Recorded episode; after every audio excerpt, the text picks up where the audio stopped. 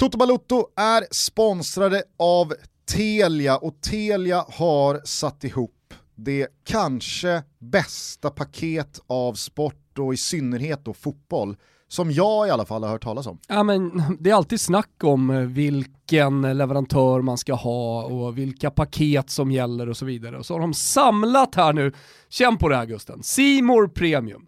V Premium Discovery Plus. Och så kan ju du översätta det till fotbollsrättigheter gärna. Mm. Det här tv-paketet innebär då alltså att Telia samlar La Liga, Serie A, Premier League, Champions League, Svenska Kuppen, Superettan och Allsvenskan. Ja, det, det är en rejäl samling. Och då tänker jag så här, det måste ju kosta en slant detta. Ja, det är klart att eh, det kostar en slant, men 599 kronor i månaden för det här är nästan en halvering av det ordinarie priset. Eh, ni hör ju själva, vi alla drömmer ju såklart om att snart få gå på fotboll igen, mm. men till dess så följer vi den från tv-soffan och med det här sportpaketet, ja då missar man inte en enda sekund. Som om inte det vore nog så ingår givetvis också de tre playtjänsterna, så att missar man någon match så kan man givetvis se den i efterhand, men på de här playtjänsterna också så finns det ju en uppsjö av stekheta filmer och serier, så det finns någonting för hela hushållet och familjen här. Telia.se sport är det som gäller Gustav. Vi säger stort tack till Telia för att ni är med och möjliggör Toto Balotto. Stort tack.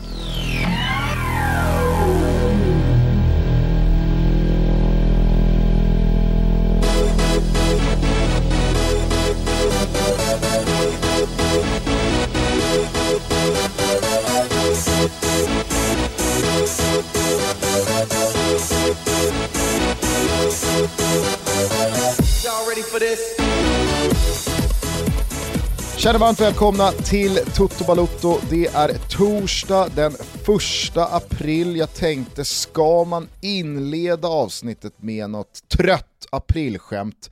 Nej, Känns det inte som att den grejen eh, är rejält på dekis och snart är helt borttvättad? Ja men jag såg på TV att det faktiskt är så också, att det blir mindre och mindre aprilskämt i takt med att det blir mer och mer fake news. Att liksom, där lirar in i varandra på något konstigt jävla sätt. Och flätas in.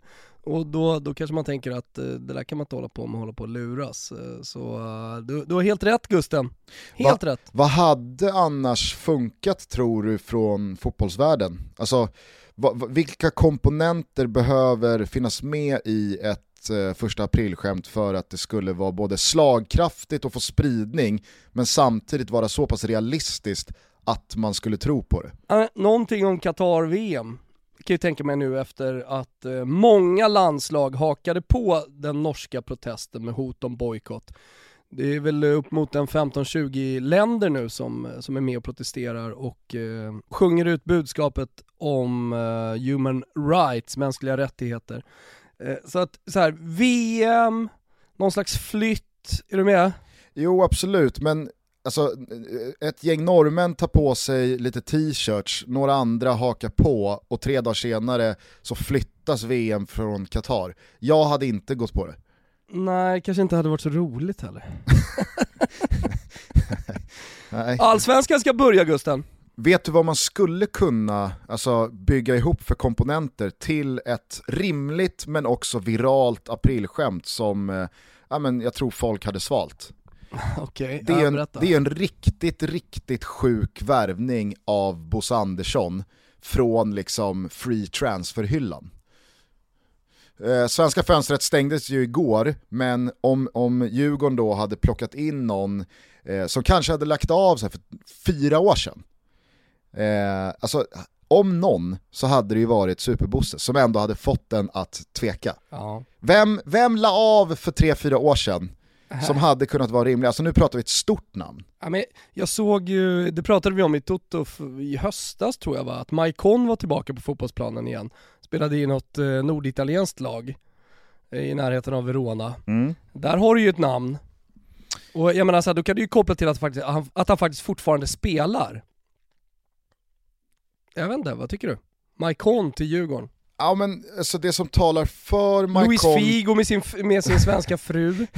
Så här, om Figo hade annonserats ut av AIK, då hade man fattat direkt att det är ett aprilskämt. För att det har, liksom, det har gått för många varv runt om det där skämtet. Någon har sett Figo i eh, Solna centrum. Jag hörde för övrigt Kristoffer Kviborg i Testa Störs eh, nypremiär här för året, att han claimar att det är han som har startat det där ryktet, Figo till AIK, för att det var han som såg Figo någonstans i närheten av Östermalmstorg. Sen har liksom... inte att claima saker heller Fiborg.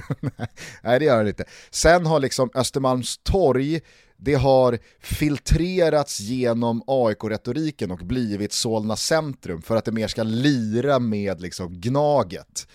Men Kviborg claimar eh, ändock att det var han som startade det där ryktet. Nej men jag tänker att Maikon till Djurgården, det kanske hade funkat för att det just är en rimlig spelare, som du säger, som fortfarande spelar, men det är heller inte, det är ingen, det är ingen världsstjärna. Det, ja, men han är, liksom är på Serie C nu, nivå. Precis. Det, det, är klart, han skulle ju säkert hålla i Allsvenskan. Det, det, tro, det tror jag. Han skulle nog hålla i Serie B i Italien också.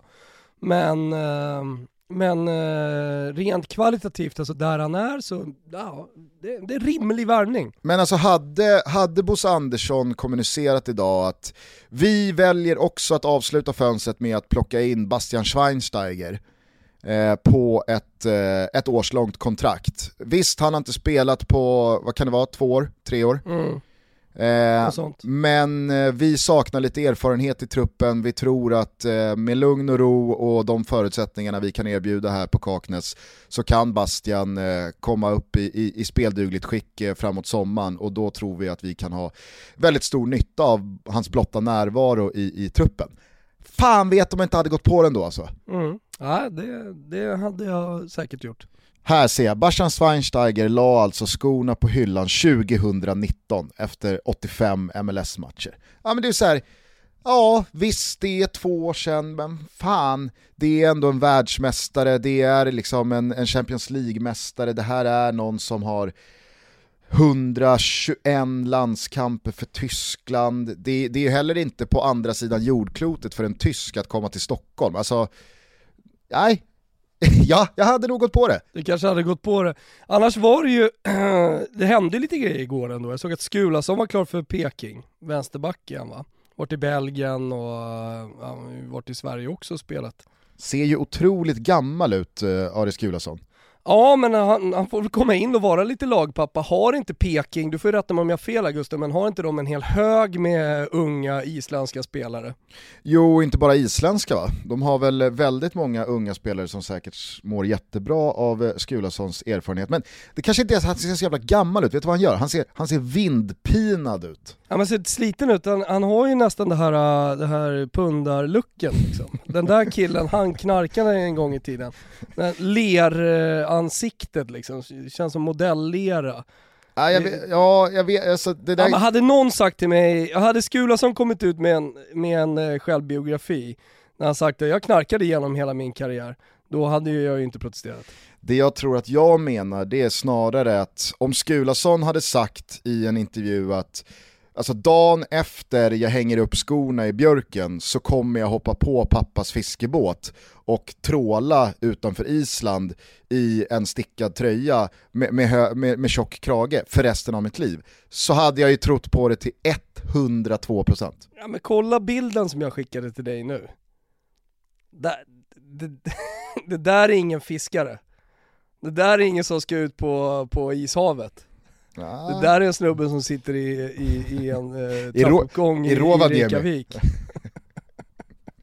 ja, nu, fick Finland, nu fick Finland en liten armbåge, det var onödigt. Eh, ja, nej men visst, Skulason tillbaka. Jag tror dock inte att man hade tänkt eh, första april-skämt ifall den eh, värvningen hade presenterats idag. Men det är ju en värvning som avslutar ett jävla intensivt eh, även allsvenskt fönster. Alexander Milosevic återigen hemma. Fan om man har upplevt en, eh, en lika lång och rörig följetong som Alexander Milosevic och AIK. Vilken, vilken såpa. Men jag har köpt nu eller? Nu har jag uppfattat det som att han är på ett 1 plus 2 kontrakt. Så att det är väl att nu är han Gnagets och han är Gnagets. Om båda parter vill efter i år, eh, ja, förmodligen för resten av karriären. Eh, men vi kan väl eh, pusha för eh, våra goda vänner och kollegor på Expressen och deras allsvenska guide som kom ut igår. Jag ska köpa den idag på väg ut till påskhelgen på landstället och gotta mig och komma lite up to speed känner jag kring den allsvenska starten. Ja, exakt. Jag har inte köpt den heller än. Jag såg att både den och Bibeln var ute nu. Så att eh, jag, behöver, jag behöver ju läsa på lite inför och sen så älskar man ju att grotta ner sig i de här spelarbetygen. Det är ju någonting speciellt med det.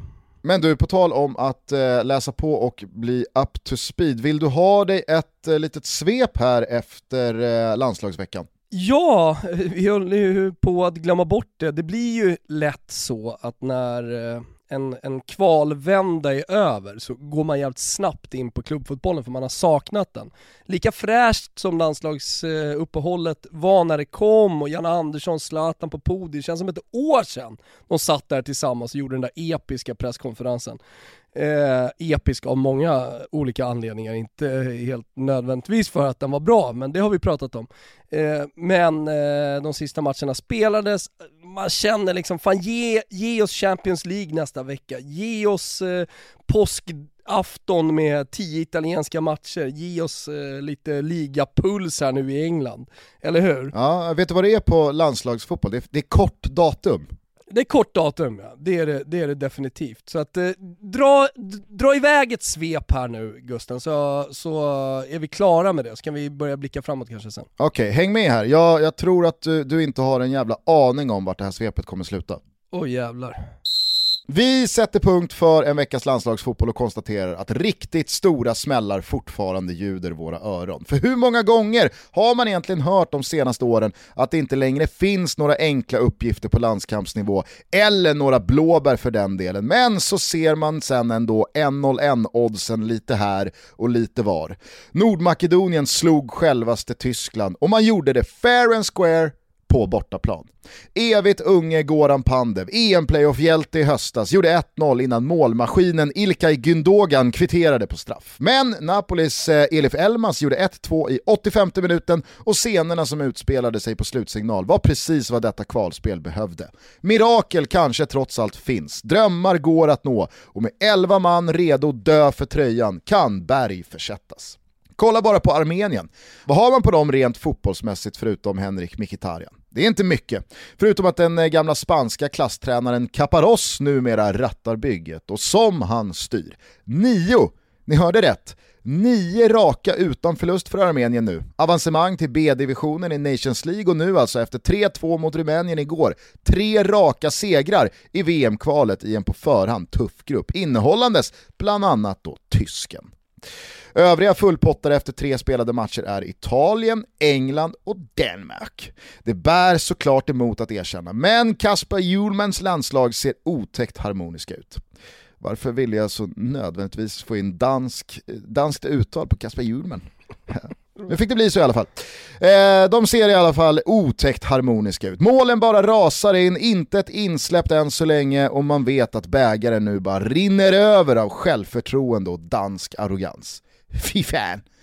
Men att det bara är fyra lag som står på nio poäng säger ganska mycket. Spanien har fått slita hund, Frankrike, Holland, Portugal och Kroatien lika så. Och länder som Polen, Bosnien och Irland kan mer eller mindre redan vinka VM-ajöken. U21-EM då? Hur fan går det där?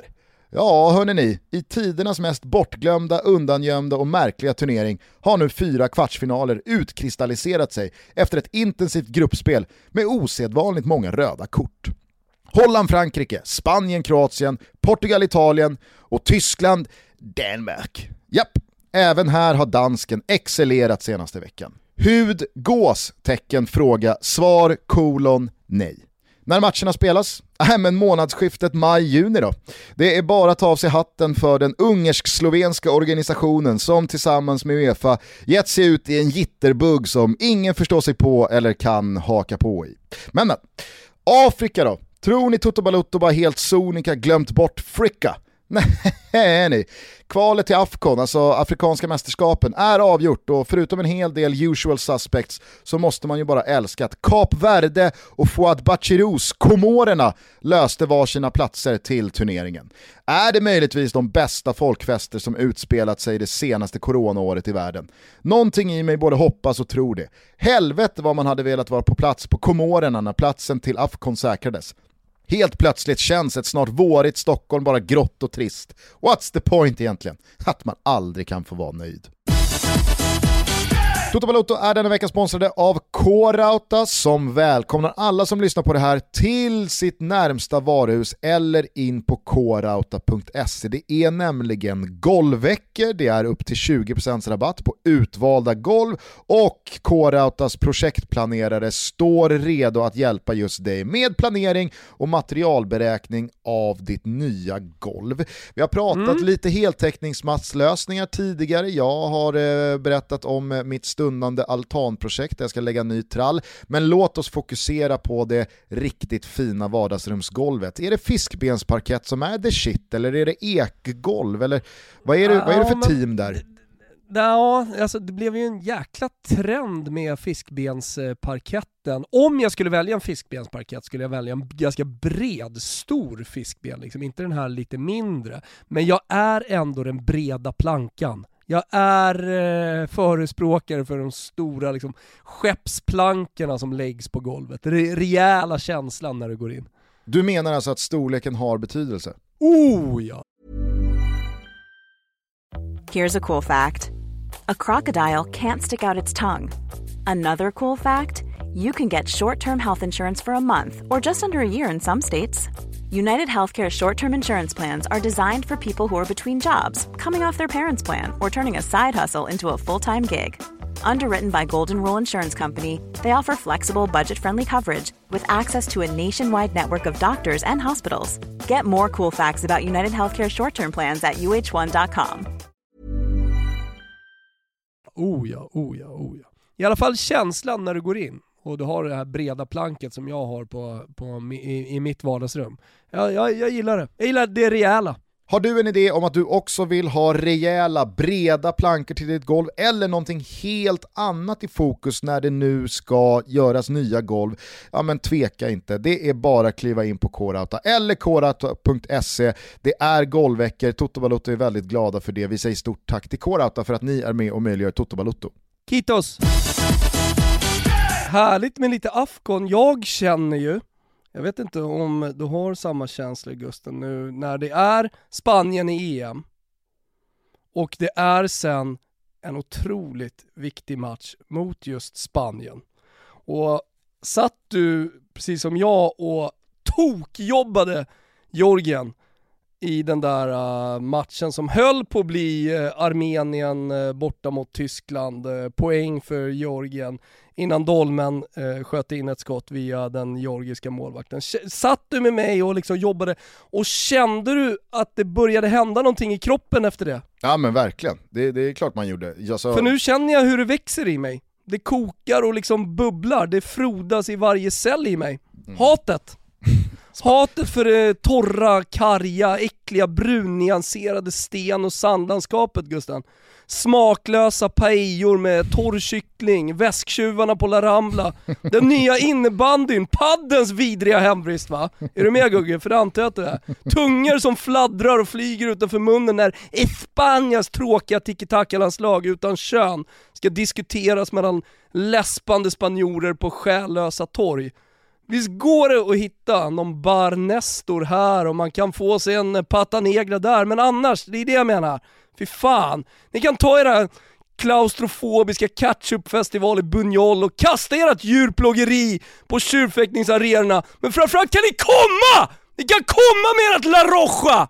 Ja men kom då bara så ska ni få smaka på urkraften! Gulo! Fucking Gulo! Ja men tapasrunken, det ska fan dö!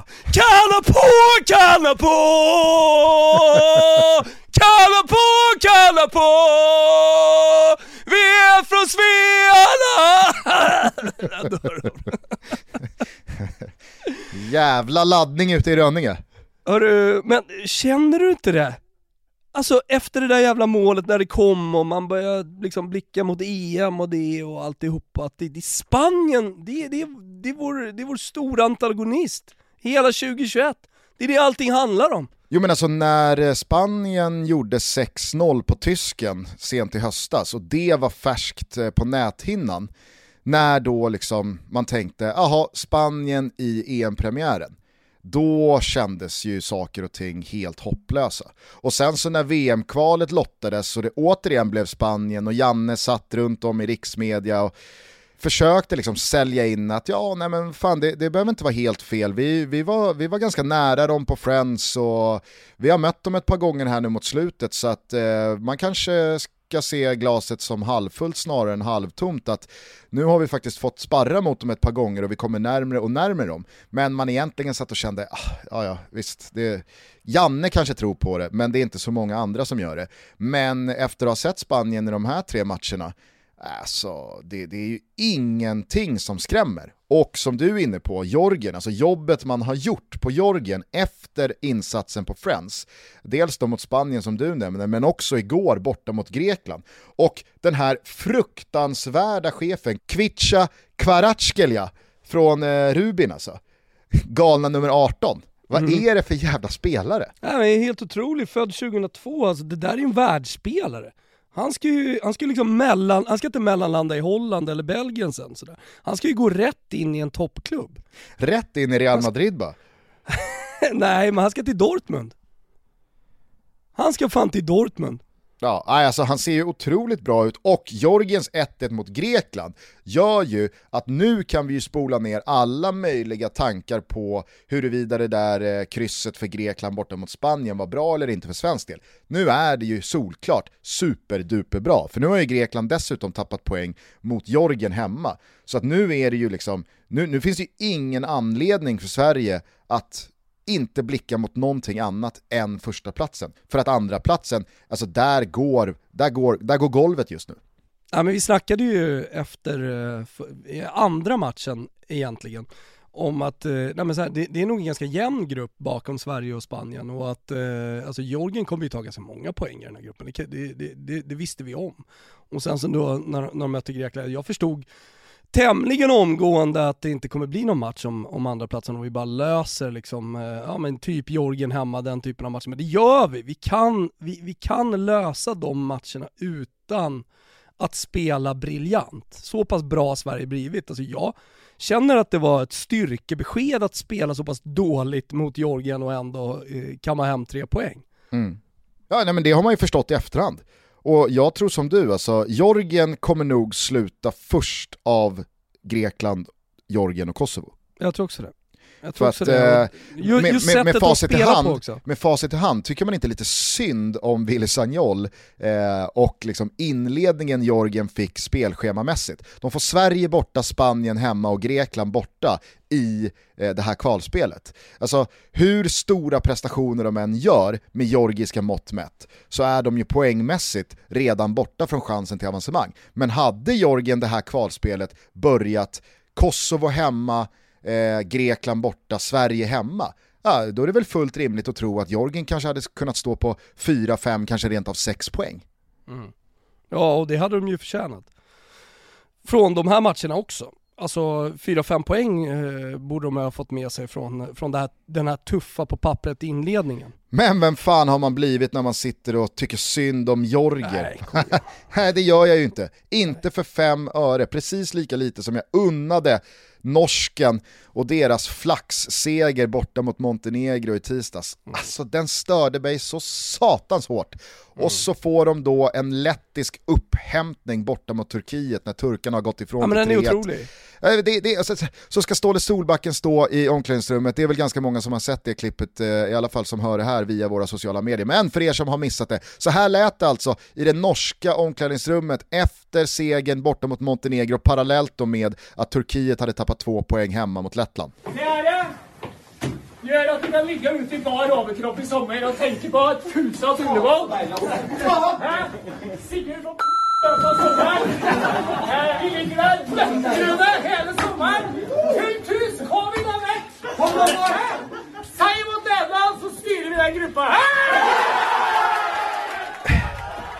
Rim... Vad, vad, kan, vad, vad säger han när han bipas där? Ja det vet jag inte. Det vet Kanske jag inte, någon- men, men känslan är väl att eh, censurribban från det norska förbundet ligger på en otäckt låg nivå. Ja, jo, den gör väl det nu. Det- Det, det är alla- som det är i ett fan och ett jävlar. Exakt. Det är typ, jävla bra, jävla bra jobbat gubbar. Bra jobbat gubbar.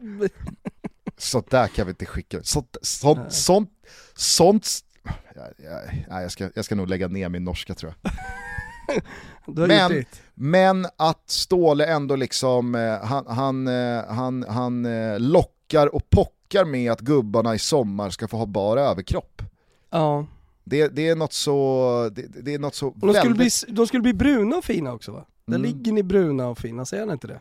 ja, men det, det är något så väldigt liksom så här ryggmärgsreflex, eh, maskulint, rovdjursaktigt över Ståles liksom, go-to-tanke där. Mm. Jag vet inte, det, det, det, påminner om när en viss Wilbur José drar av sig tröjan för att det är liksom, det är instinkten, det är reflexen. Av med palterna bara, för nu har vi något att fira. det, det är när byxorna åker av, det är då man vet att då är det på allvar. Men du har ju helt rätt här med Norge. Det skulle fan inte förvåna mig om de gick mer eller mindre rent genom det här nu. Alltså, och, och jag tror inte man ska underskatta heller den upphämtningen som Lettland gör mot Turkiet. Nej, och, Alltså, så här, och hur mycket är, energi det ger till både Holland och, eh, och Norge. exakt, och det som, är, det som är så frustrerande det är ju att den för lettisk del är helt irrelevant. Alltså, men Lett. Lettland har, alltså, den där poängen kan de stå och vifta med bäst fan de vill eh, utanför Riga. Men den, den kommer inte göra någon skillnad för hur det här kvalspelet slutar för Lettland. Ja men precis. Men att det ska hjälpa Norge ett steg, eller kanske rent av två, tre steg närmare Qatar. Det är klart att det stör en. Men som jag var inne på i svepet, det, man får ju faktiskt lyfta på hatten för Danmark. Alltså 8-0 hemma mot Moldavien, ja, det är en sak. Men att som dansken igår åka till Österrike och vinna med 4-0, det är så fruktansvärt starka papper. Ja det är det. det är förvånande också, eller hur? Ja, jag, jag, alltså, kanske att jag inte såg eh, en, en österrikisk promenadseger liksom. Men eh, att, att Danmark åker ner, håller nollan, gör fyra och bara fullständigt kliver över ett lag med liksom Alaba, Baumgartner, eh, Lainer, Dragovic, eh, alltså så här, det, det, det är inget dåligt gäng Österrike sitter inne på, Sabitzer, alltså det, det, det går att nämna ganska många spelare här. Ja, och alltså den centraleuropeiska fotbollen har ju gått framåt med Österrike där också, alltså med Schweiz, Belgien, alltså sådana länder som kanske fotbollshistoriskt är, är, man inte riktigt tänker på, så, så tycker jag ändå att det, det har ju funnits en utveckling i Centraleuropa på de lite mindre länderna, där också Österrike, du nämner några, några gubbar här, men det, det, det är ett ganska bra landslag, det är ett gediget landslag, svårt att vinna över dem, så 4-0 borta, det smäller högt också för mig. Mm. Nej, det är, det är bara att imponeras över eh, danskens dagsform. Som ni hörde så är man ju dessutom framme i kvartsfinal i U21-EM och har ju en Alltså det känns också som att Danmark har hamnat jävligt rätt i sin generationsväxling också. Det man, det man tänkte var en gyllene generation har ju nu beblandats med liksom millenniegenerationen och det känns som att de på samma sätt som Sverige, om man då exkluderar Zlatan i, någon slags åldersstrukturell ekvation, eh, har ett, ett lag som inte bara är bra eh, och toppat till liksom sommaren utan det är ett lag som, alltså det här laget har ett par år till framför sig. Ja, ja. Alltså, det, det är precis som du säger, alltså, det, det är den perfekta generationsväxlingen som jag också tycker Sverige håller på att pyssla med lite grann.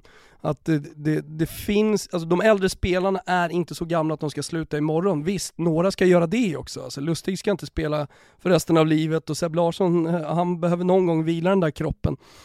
Han har väl spelat i ett egentligen sedan VM 2018 eh, utan pauser. Ja, Han gick ju han- rätt på allsvenskan där. Han kanske fick eh, två veckor i, i, i julas. Ja men precis, precis. Nej men, eh, men de som kommer underifrån hinner växa in i det här laget innan de gamla slutar och sen så har vi då 89 90 91 med Ponne och Albin och de som också har flera år kvar på, på absolut toppnivå så om kropparna håller.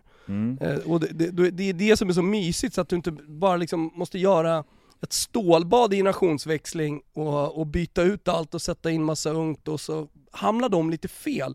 finns landslag som, som verkligen hamnar knas där. Italienska landslaget tycker jag delvis har gjort det under perioder här. Um, Holländska. Holländska definitivt, eh, men eh, ja, de är på rätt väg. Jag, jag, jag, tycker det ser sjukt intressant ut. Jag jag tror att det kommer hålla över tid också. Frågan är också vart ett landslag som Tysklands är på väg när Jogi Löw under två, tre års tid inte Dags bara har... för den gubben att vinka, vinka gö snart va? Ja men det är ju det, han lägger ju av efter EM, det är ju utkommunicerat jo. nu. Men det jag skulle säga var att med tanke på hur hans senaste två, tre år har sett ut, alltså med etablerade storspelare med flera år kvar i, av karriären som han stänger dörren till. Eh, den ena startelvan är eh, någonting helt annat från nästa. Eh, alltså jag tror att han är uppe på typ alltså 45-50 gubbar som har fått speltid i tävlingslandskamper sedan VM 18. Alltså, jag, jag, jag tror inte speciellt många känner att ja, men jag spelar i tyska landslaget. Eller jag är ordinarie i tyska landslaget jag, jag, alltså, ha, Löw har ju liksom bränt ner det där landslaget på ett nästan ett, ett helt nytt sätt. Ja, han hittar nya nivåer av uselhet. Ja men det är inte så att han har liksom klängt fast vid en generation och eh, fasat in underifrån på ett för dåligt sätt. Han har, liksom, han har använt sig av för många på ett för roterande sätt, på ett för experimentellt sätt. Att nu vet ingen någonting längre.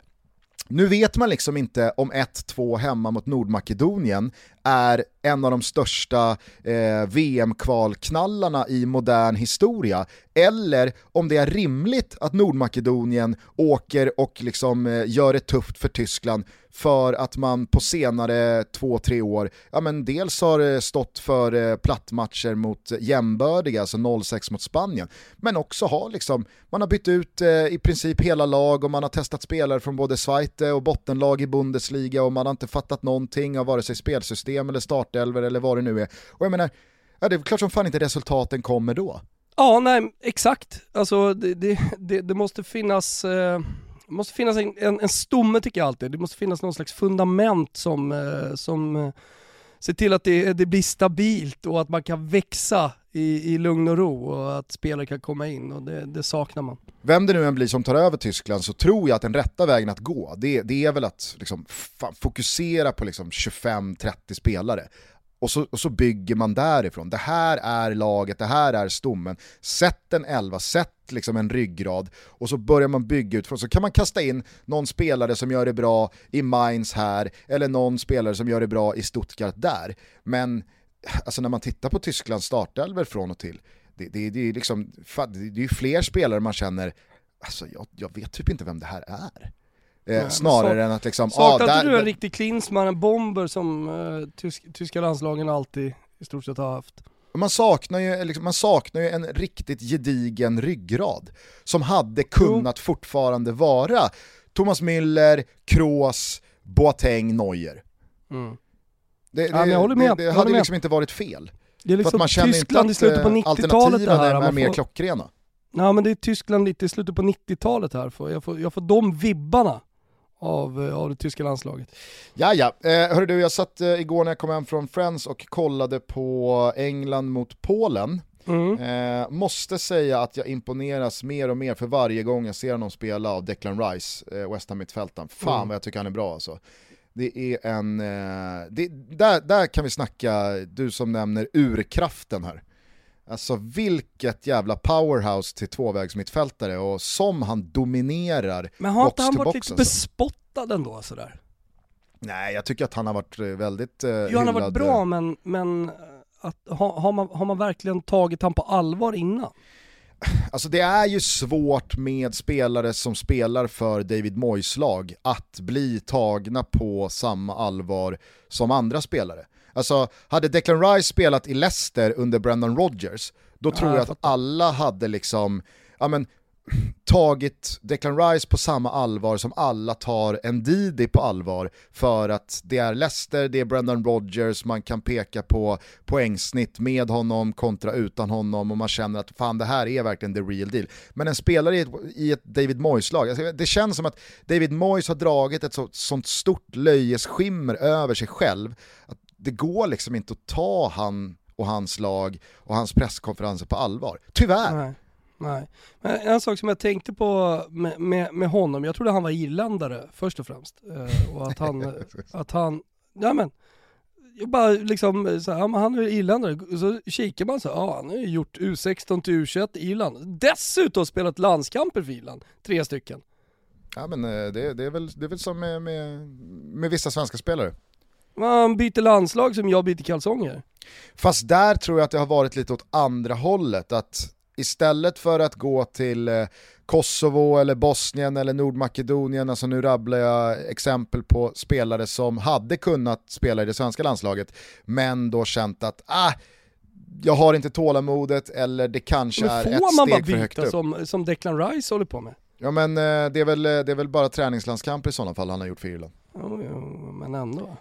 Eh, jag kan inte tänka mig att det är någon tävlingslandskamp. Pille på Crew är inte glad, det ska du fan veta Gusten. Nej, det förstår jag. Ja. Eh, Irland är ju redan borta från VM. Det är ju, ja, ja. Det, det, är ju bara krasst konstatera. Nej men det jag skulle säga var att jag dels eh, återigen imponerades jävligt mycket av Declan Rice, men framförallt så landade jag i efter den här landslagsveckan att den här gruppen Sverige har hamnat i i juni, mm. med Spanien, Polen och Slovakien, den känns så oerhört mycket mer överkomlig idag än vad den gjorde för tio dagar sedan.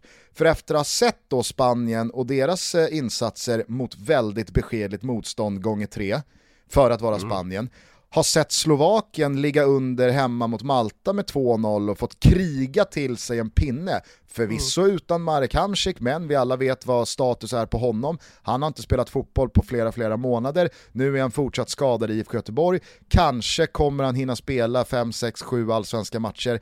Alltså visst, det är en klassspelare som på en liggande boll kan avgöra matcher på helt egen hand, men Alltså, jag, jag, jag, jag skräms inte speciellt mycket av Slovakien efter att ha liksom bara krasst konstatera att de sliter hemma mot Malta. Och Polen, alltså Polen, nu, nu eh, ska man förvisso påminna alla om att Robert Lewandowski inte spelade igår mot England och att han gör en enorm skillnad.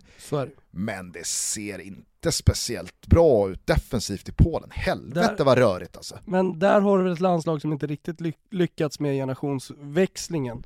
Nej, Från det Polen som eh, stormade fram lite grann får man ändå säga för en 6-7 eh, år sedan. Så mm. är det en, eh, en, en, skugga av det som, eh, som visade upp sig igår. Ja, ja nej, det, där, där är jag den första att hålla med dig. Eh, Kamel Glick kanske inte ska vara klippan att luta sig mot ja, men ska 2021. Ska vara det då? Nej, det, alltså, Såg att han uttalade så här. Touché. Här, att, ja, ja, jo, men eh, jag såg att han uttalade så här att eh, nej, men så här, folk, folk tror att man har glömt bort att spela fotboll bara.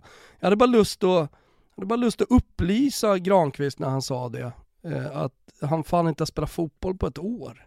alltså, det är väl inte konstigt att folk är tveksamma till, till eh, hans förmåga att faktiskt spela fotboll. Alltså, han är inte 22, uh, eh, han har ju uppenbart haft så stora problem att, eh, uh, amen, han har sparkat sönder papperskorgar och varit sur nere, nere i Helsingborg.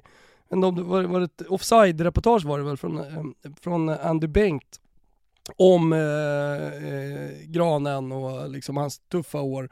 Sådär. Det, det, är väl inte, det är väl inte märkligt att man känner viss tveksamhet inför hans eventuellt kommande prestationer då i ett svenskt landslag när vi ska spela EM när allting känns så bra. Det är väl inte konstigt? Nej, men nyanserna här är väl att folk inte har varit försiktigt tveksamma utan folk har ju väldigt hög utsträckning varit rejält tydliga med... Jo men det är fotboll vi äh, håller på med också. Absolut, det är väl klart att på den här nivån så har folk starka åsikter. Men jag kan ju förstå att man i hans läge känner en viss frustration av att totalt dömas ut när man själv känner att oh, men alltså, om jag bara får spela 5, 6, 8, 10 matcher, alltså, om jag bara får känna att jag fysiskt håller, då kan jag vara med och bidra, då kan jag prestera på den nivå som krävs i en svensk landslagsbacklinje. Hur ska, kan... hur ska han göra det? Vi pratar om Mark Hamsik som eventuellt får 5, 6, 7 allsvenska matcher och inte kommer i något jättetempo till, till EM.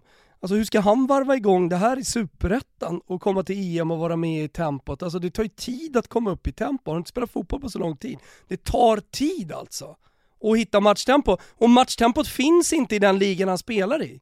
Han får ingen sparring. Samtidigt är ju ingen tveksam eller skeptisk till huruvida Marek Hamsik ska gå in och vara en bärande spelare i Slovakien. Trots Jo, jag att är han det. kanske... Jag är skeptisk. Inte i Göteborg för att nivån är vad den är, men i ett EM för Slovakien.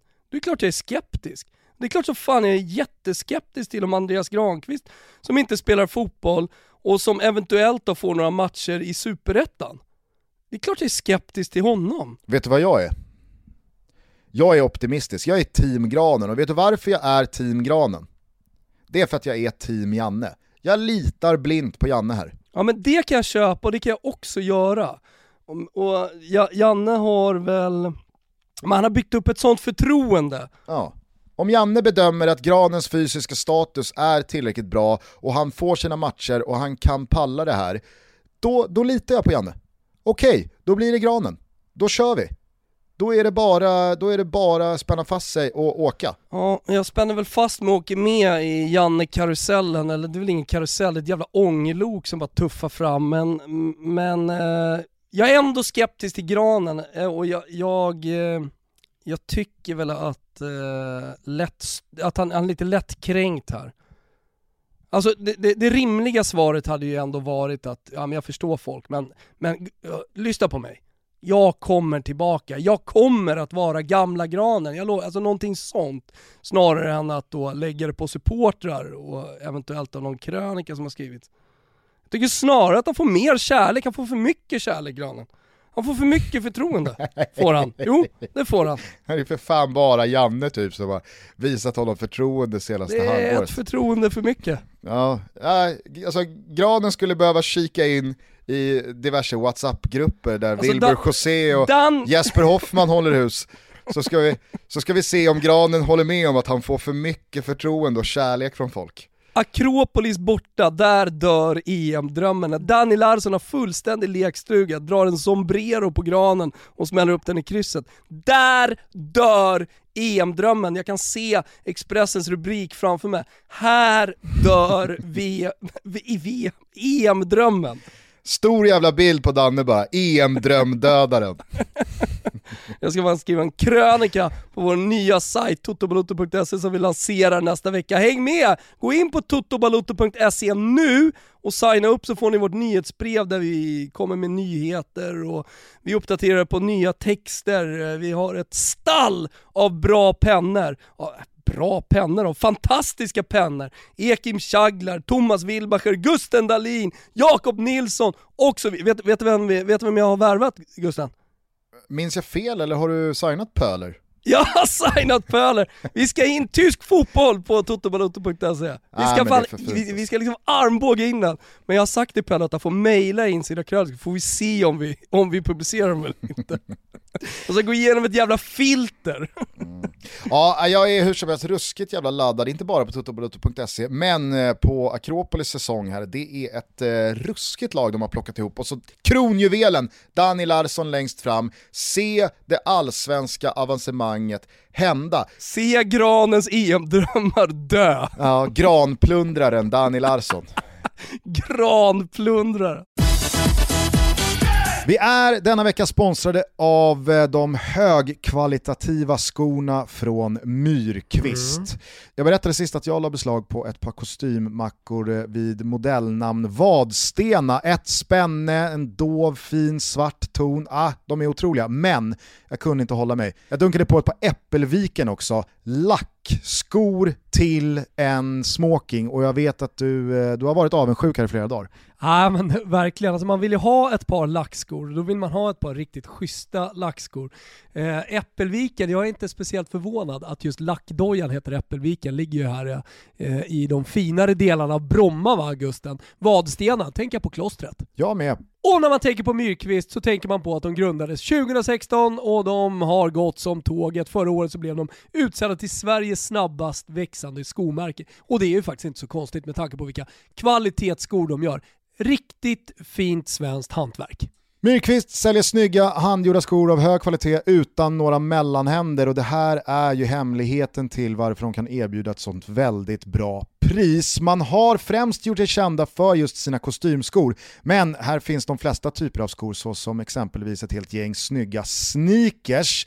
Myrkvist.se är den digitala adressen som gäller om man inte har vägarna förbi butiken i huvudstaden som alltså finns i Moodgallerian och man har dessutom gjort ett undantag för våra lyssnare här i Toto Balutto med en rabatt på 300 kronor om man använder koden TOTO. Jajamensan, alltså passa på för detta är exklusivt. Eh, Myrkvist har inte speciellt stora marginaler när de kränger de här eh, kvalitetsskorna för så bra priser som man gör. 300 kronor rabatt alltså på alla skor denna vecka. Koden är TOTO. Kliv förbi Modgallerian om du är i Stockholm, annars gå in på myrkvist.se. Och Myrkvist är med Q och enkel V. Vi säger stort tack till Myrkvist för att ni är med och möjliggör Toto Balutto.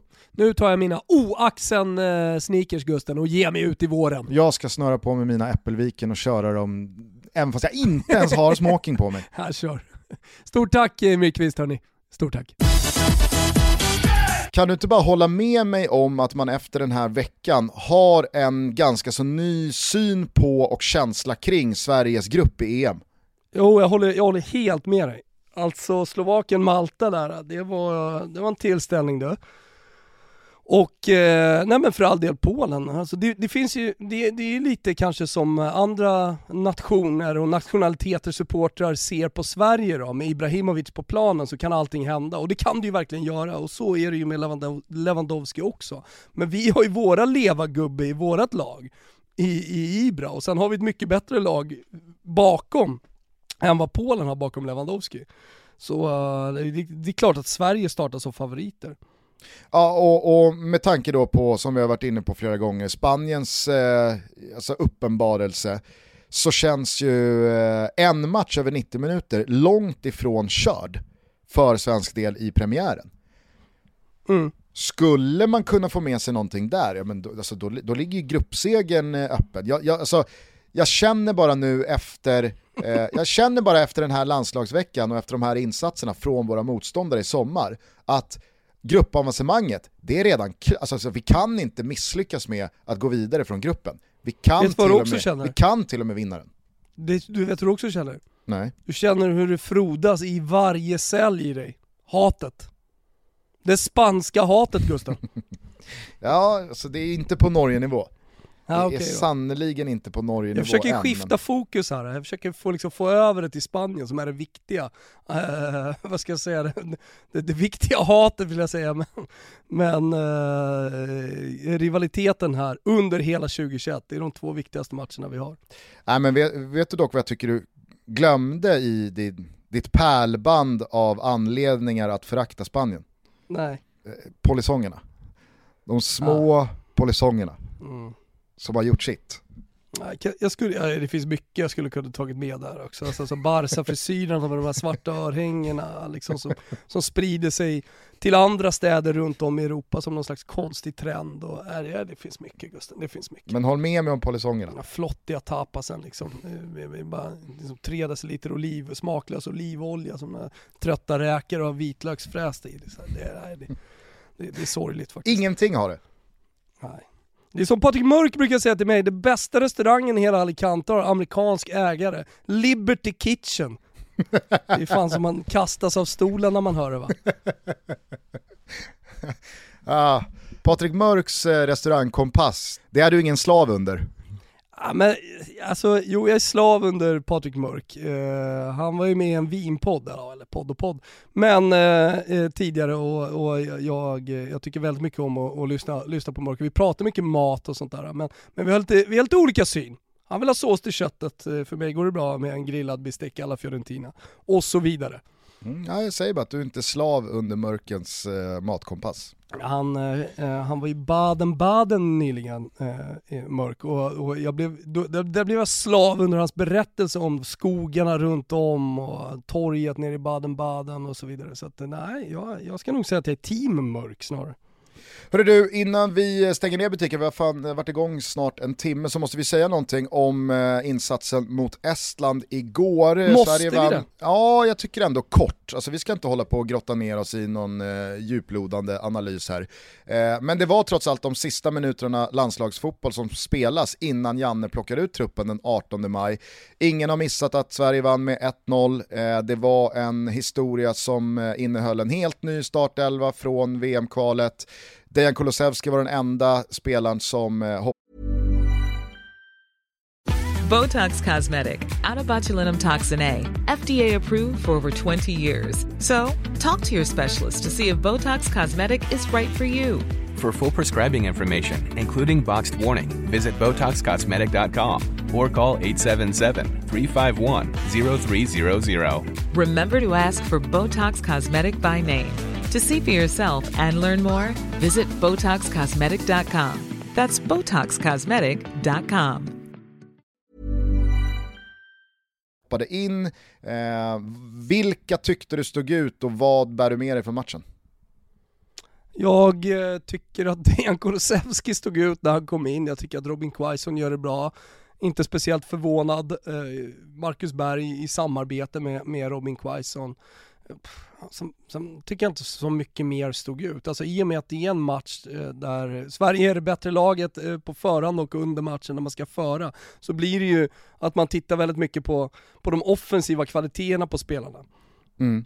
Eh, hade, vi, hade vi mött ett tuffare landslag där vi hade fått backa hem lite, ja men då, då hade man kanske fått se lite defensiva skills då från Starfelt och gänget. Men, men i den här matchen så, så handlar det ju väldigt mycket om yttrarna och så här, vad, vad, vad lyckas Kansema med, men framförallt vad lyckas han inte med? Alltså det är en sån där match där du inte får misslyckas, där du ska komma förbi en mot en om du, om du är den typen av lirare. Det var ju lite samma sak för Jesper Karlsson.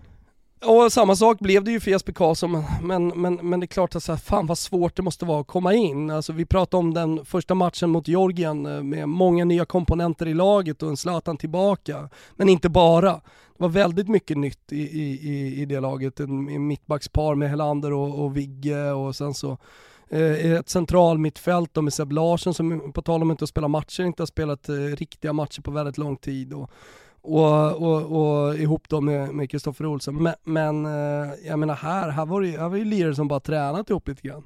Och fått, eh, fått eh, lite eh, taktiska tv-analyser eh, inför matchen. Så det är klart att det är svårt sådär, men, men jag, hade, jag hade hoppats på lite mer och jag tror framförallt att, att eh, eller så jag tror så här, jag tror att det är ett kört alldeles oavsett vad de lyckas med.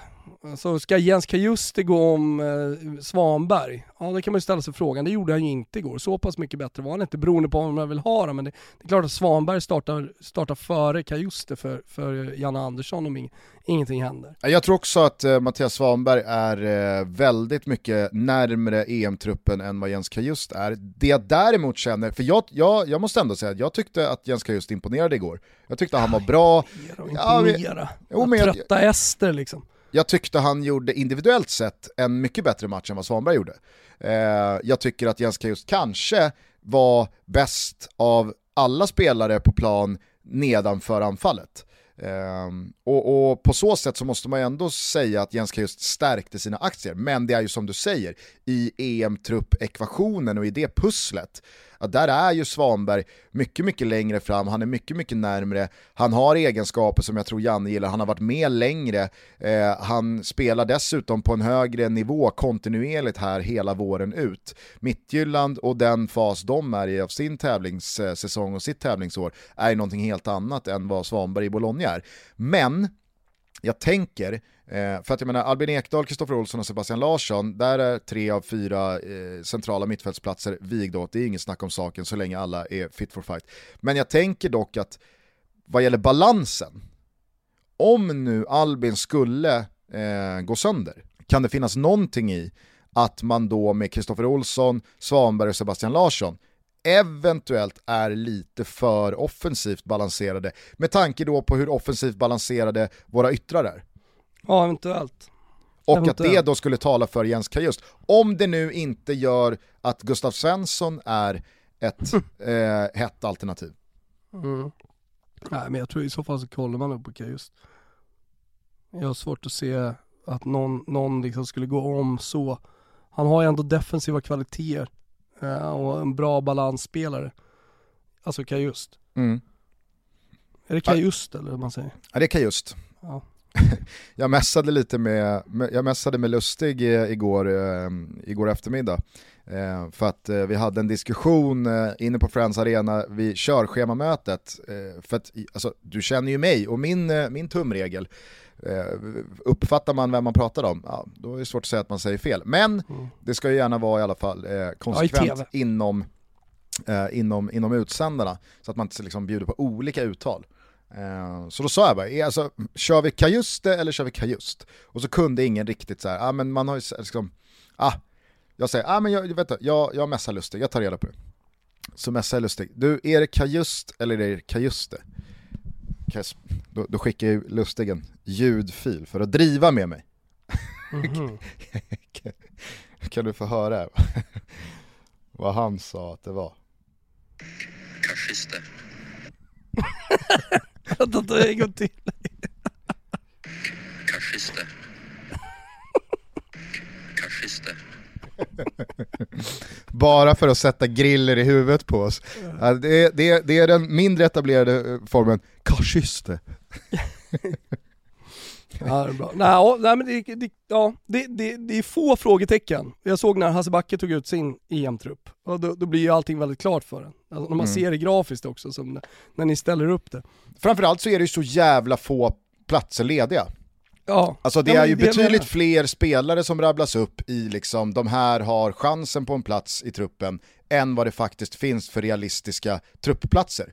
Ja men Ser när man- det blir diskussion eh, kring en plats, det är ju först när någon skadas. Så säg att Emil Forsberg skulle gå sönder. Ja men ska vi ha Jesper Karlsson, ska vi ha Kansema? Alltså så här, där blir det ju en diskussion. Men alltså de spelar, det, det är väldigt många spelare i den här 23-mannatruppen som är klara. Mm. Nej, Jag men- tror också att Janne, tror, tror inte Janne kände igår att eh, Kulusevski är en jävligt bra inhoppare. Tror inte att det stär, på något sätt stärkte honom som inhoppare när han kom in igår och gjorde det han gjorde. Framförallt så tyckte jag att han stärkte sin aktie som anfallare. Det, du vet ju vad jag har sagt! Ja, ja. Nej, men, Juventus. Absolut.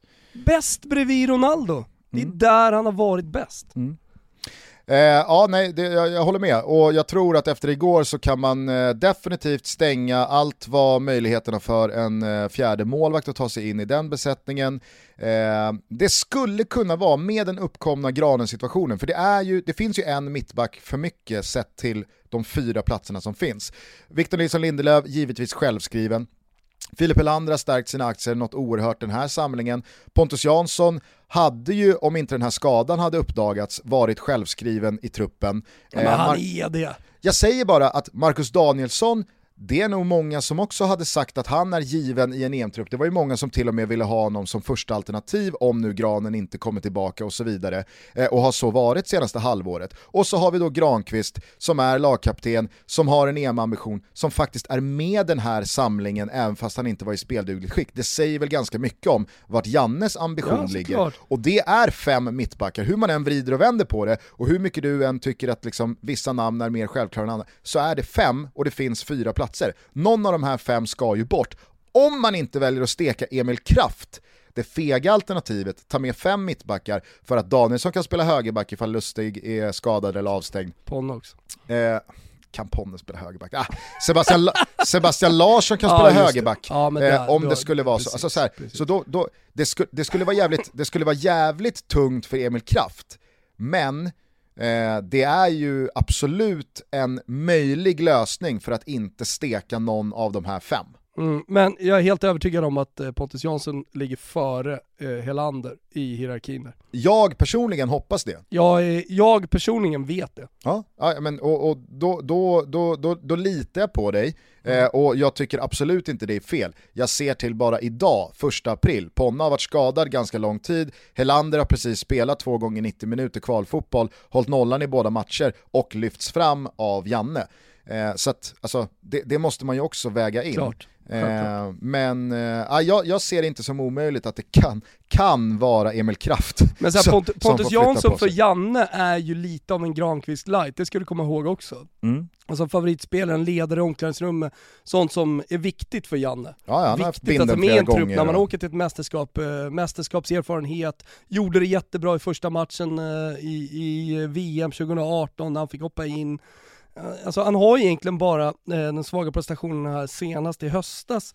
Eh, innan, i, innan så har han ju liksom bara gjort det bra. Så Mm. att det är, jag, jag är helt övertygad. Sen har du ju, på tal om att flytta ner eh, Sebastian Larsson på högerbacken, du har ju, du har ju det klassiska Janne-greppet också. Taktiska greppet. Upp med ponne på topp. Va? Så är det. Så är det ju. Eh, nej men eh, på, på det centrala mittfältet har vi redan varit inne på, det finns en plats ledig. Det är ju mega favorit på att Svanberg tar den. Men vill man ha en aningen mer defensiv balans än vad jag tycker att det där mittfältet har, då tror jag ändå att Gustav Svensson är i, i, i pole. Eh, vad den Jens Kajust uträttade igår och eh, i, i höstas. Eh, på yttermittfältet så är det ju en plats som står mellan Jesper Karlsson och Ken Sema. Jag tycker att det är jättesvårt att säga vem som, eh, vem som är närmst den. Eh, jag vet inte om du har någon, någon åsikt i frågan, men det är ju de två Ken som, 100%. som slåss om den platsen. 100% kan Sema. Det är inte ens en diskussion. Nej, okej. Eh, och det är ju det sista, för att eh, i, i anfallet kommer ju ingenting hända. Quaison, jättefin insats igår, Jordan Larsson, han var inte ens med. Och det säger ju allting. Hade Janne velat visa att Jordan Larsson är Liksom, han är nära en EM-trupp, ja, då hade det inte kostat honom någonting att ha honom med den här samlingen där det är tre matcher där allting kan hända och man i alla fall kan se folk i träning och vara nära dem och känna och klämma på dem som Janne och, och Wettergren brukar lyfta fram som jäkligt viktigt. Det är snarare så att Janne har pratat om Sebastian Andersson de här dagarna än någonting annat, att han finns där eh, i kulisserna eh, och har inte gett upp EM-drömmen. Nej men exakt, och något syrliga uttalandet från eh, Jordan Larsson, jag vet inte om det har så stor betydelse i slutändan när man ska ta ut en trupp, kanske inte. Eh, Men eh, just, just det faktum också att Kulusevski gör det så bra som andra anfallare tror jag också eliminerar alla former av spekulationer om eh, att, säg att den här sista platsen då som du säger står mellan Ken Sema och Jesper Karlsson på, eh, på, på- en ytter. Skulle man kanske då kunna få det till att man tar med en femte anfallare istället, så man tar, tar med Sebastian Andersson istället för Ken Sema. Är du med? Men i, i och med att eh, Kulusevski gör det så bra så har man ju en femte anfallare i honom. Ja, exakt. Så det, ja, jag, jag, tror att då eliminerar man eh, den möjligheten, så att säga. Och skulle det vara så att man tar med en femte anfallare, alltså den, den jag tror torskar på det är ju Mattias Svanberg. För då måste du nästan ta med Gustav Svensson för balansen. Ja, jo, ja, kanske. Kanske. Ja, ja, eh, det blir jävligt spännande att följa diskussionerna kring EM-truppen som Janne alltså tar ut den 18 maj. Tutski Balutski rullar igång om några veckor. Toto Baluttos alldeles egen mästerskapspodd. Vi lyfter in eh, Svanus Svanemar i studion igen och så går vi igenom samtliga 24 deltagarnationer, ett för ett. Det blir jävligt kul. Många uppskattade det 2018 och nu eh, fortsätter vi på det vinnande konceptet och twistar det kanske, kanske en liten, liten aning. Eh, men det blir en bra guide inför eh, EM så att man har koll på allting, eller har koll på det nödvändiga. Eller hur? Så är det. Nu är det bara att hoppa upp på skärtorsdag kvasten eventuellt åka på en syrlig kommentar från Wilbur José ute i Rönningetrakten, fira lite påsk och och eh, damma in i fotbollshelgen som är matig så det förslår. På Simor kan man bland annat, redan ikväll faktiskt, se Bayern Trellehulla i Svenska Cupen kvartsfinalen. Djurgården ska ha en motståndare på söndag i cupsemin, men det är ju dessutom Serie A och La Liga hela helgen. Eh, Serie A, 10 matcher på lördag, hur fint ska det bli? Ja, men jag älskar de här högtiderna när alla matcher kläms ihop på en dag. Det, det, ska, bli, det ska bli alldeles underbart. Eh, och så lite påsklamm på det. Och du vet vad man dricker till påsklammet, Gusten? Påskpepsi! Just det, just det. En av de finaste Pepsi-varianterna, påskpepsin. Våga liksom ta ut svängarna lite grann nu inför påsken och testa en Raspberry, eller varför inte? Om solen lyser nere i Skåne, testa limen. Ja. Den somriga, våriga limen. Dricks med fördel i södra Sverige. Ja faktiskt, den dricks med för, fördel i södra Sverige. Så är du, är du skåning eller smålänning, eller vad vet jag, du kanske kommer från Blekinge, ja men testa en lime påsk Pepsi mums. I och med att det inte spelas någon Serie A-fotboll på söndag så utgår eh, söndagens fotbollssöndag Europa. Däremot så blir det studioinramning på cupsemifinalen som vi hoppas blir Djurgården-Hammarby. Alla Trellehulla-supportrar får ursäkta. Jag vill ha ett Stockholmsderby och inleda påskdagen med. Jag vet inte vad du känner. Nej jag vill ha Trellehulla. Heja Trellehulla. Eh, Men hur kompenseras detta? Jo, nästa vecka så är det ju El Clasico på lördagen, men det hindrar inte oss från att öppna Fotbollssöndag Europa-studion även söndag. Så det blir dubbelmacka nästa helg. Kallar ni det för fotbollslördag Europa då eller? Vet faktiskt inte vad eller namnet vet, kommer vet bli. jag har men- tips. Jag Ja. har ett tips. Kalla det för fotbollssöndag Europa lördags edition. Ja, ta med dig det till eh, gubbarna, vad, vad heter de där borta, cheferna? Matteoni redaktör och Olle och, och gänget. Ta med dig det till Matteoni. Fotbollssöndag Europa lördags edition. Ja, Mm. supernamn. Ja. Eller bara El Clasico edition. Skulle också kunna vara, men jag gillar lördags edition. Ja. Som ni hör, det är bara att skaffa ett simor abonnemang så är det toppfotboll från både Sverige och eh, Europa, mer eller mindre varje dag. Så är det. Eh, vi hörs igen på annandag påsk, låter det Mm. bra? Det låter bra. Snyggt, härligt. Eh, du får ha en jävla fin eh, högtid du också med familjen. Du med Gusten och glöm inte froda ert eh, Spanien-hat nu. Ciao tutti! Ciao! Tutti. Det borde kosta en sån som dig att kunna messa mig Du är en skojare med amor Pandemi, pandemi, men du borde inte testa mig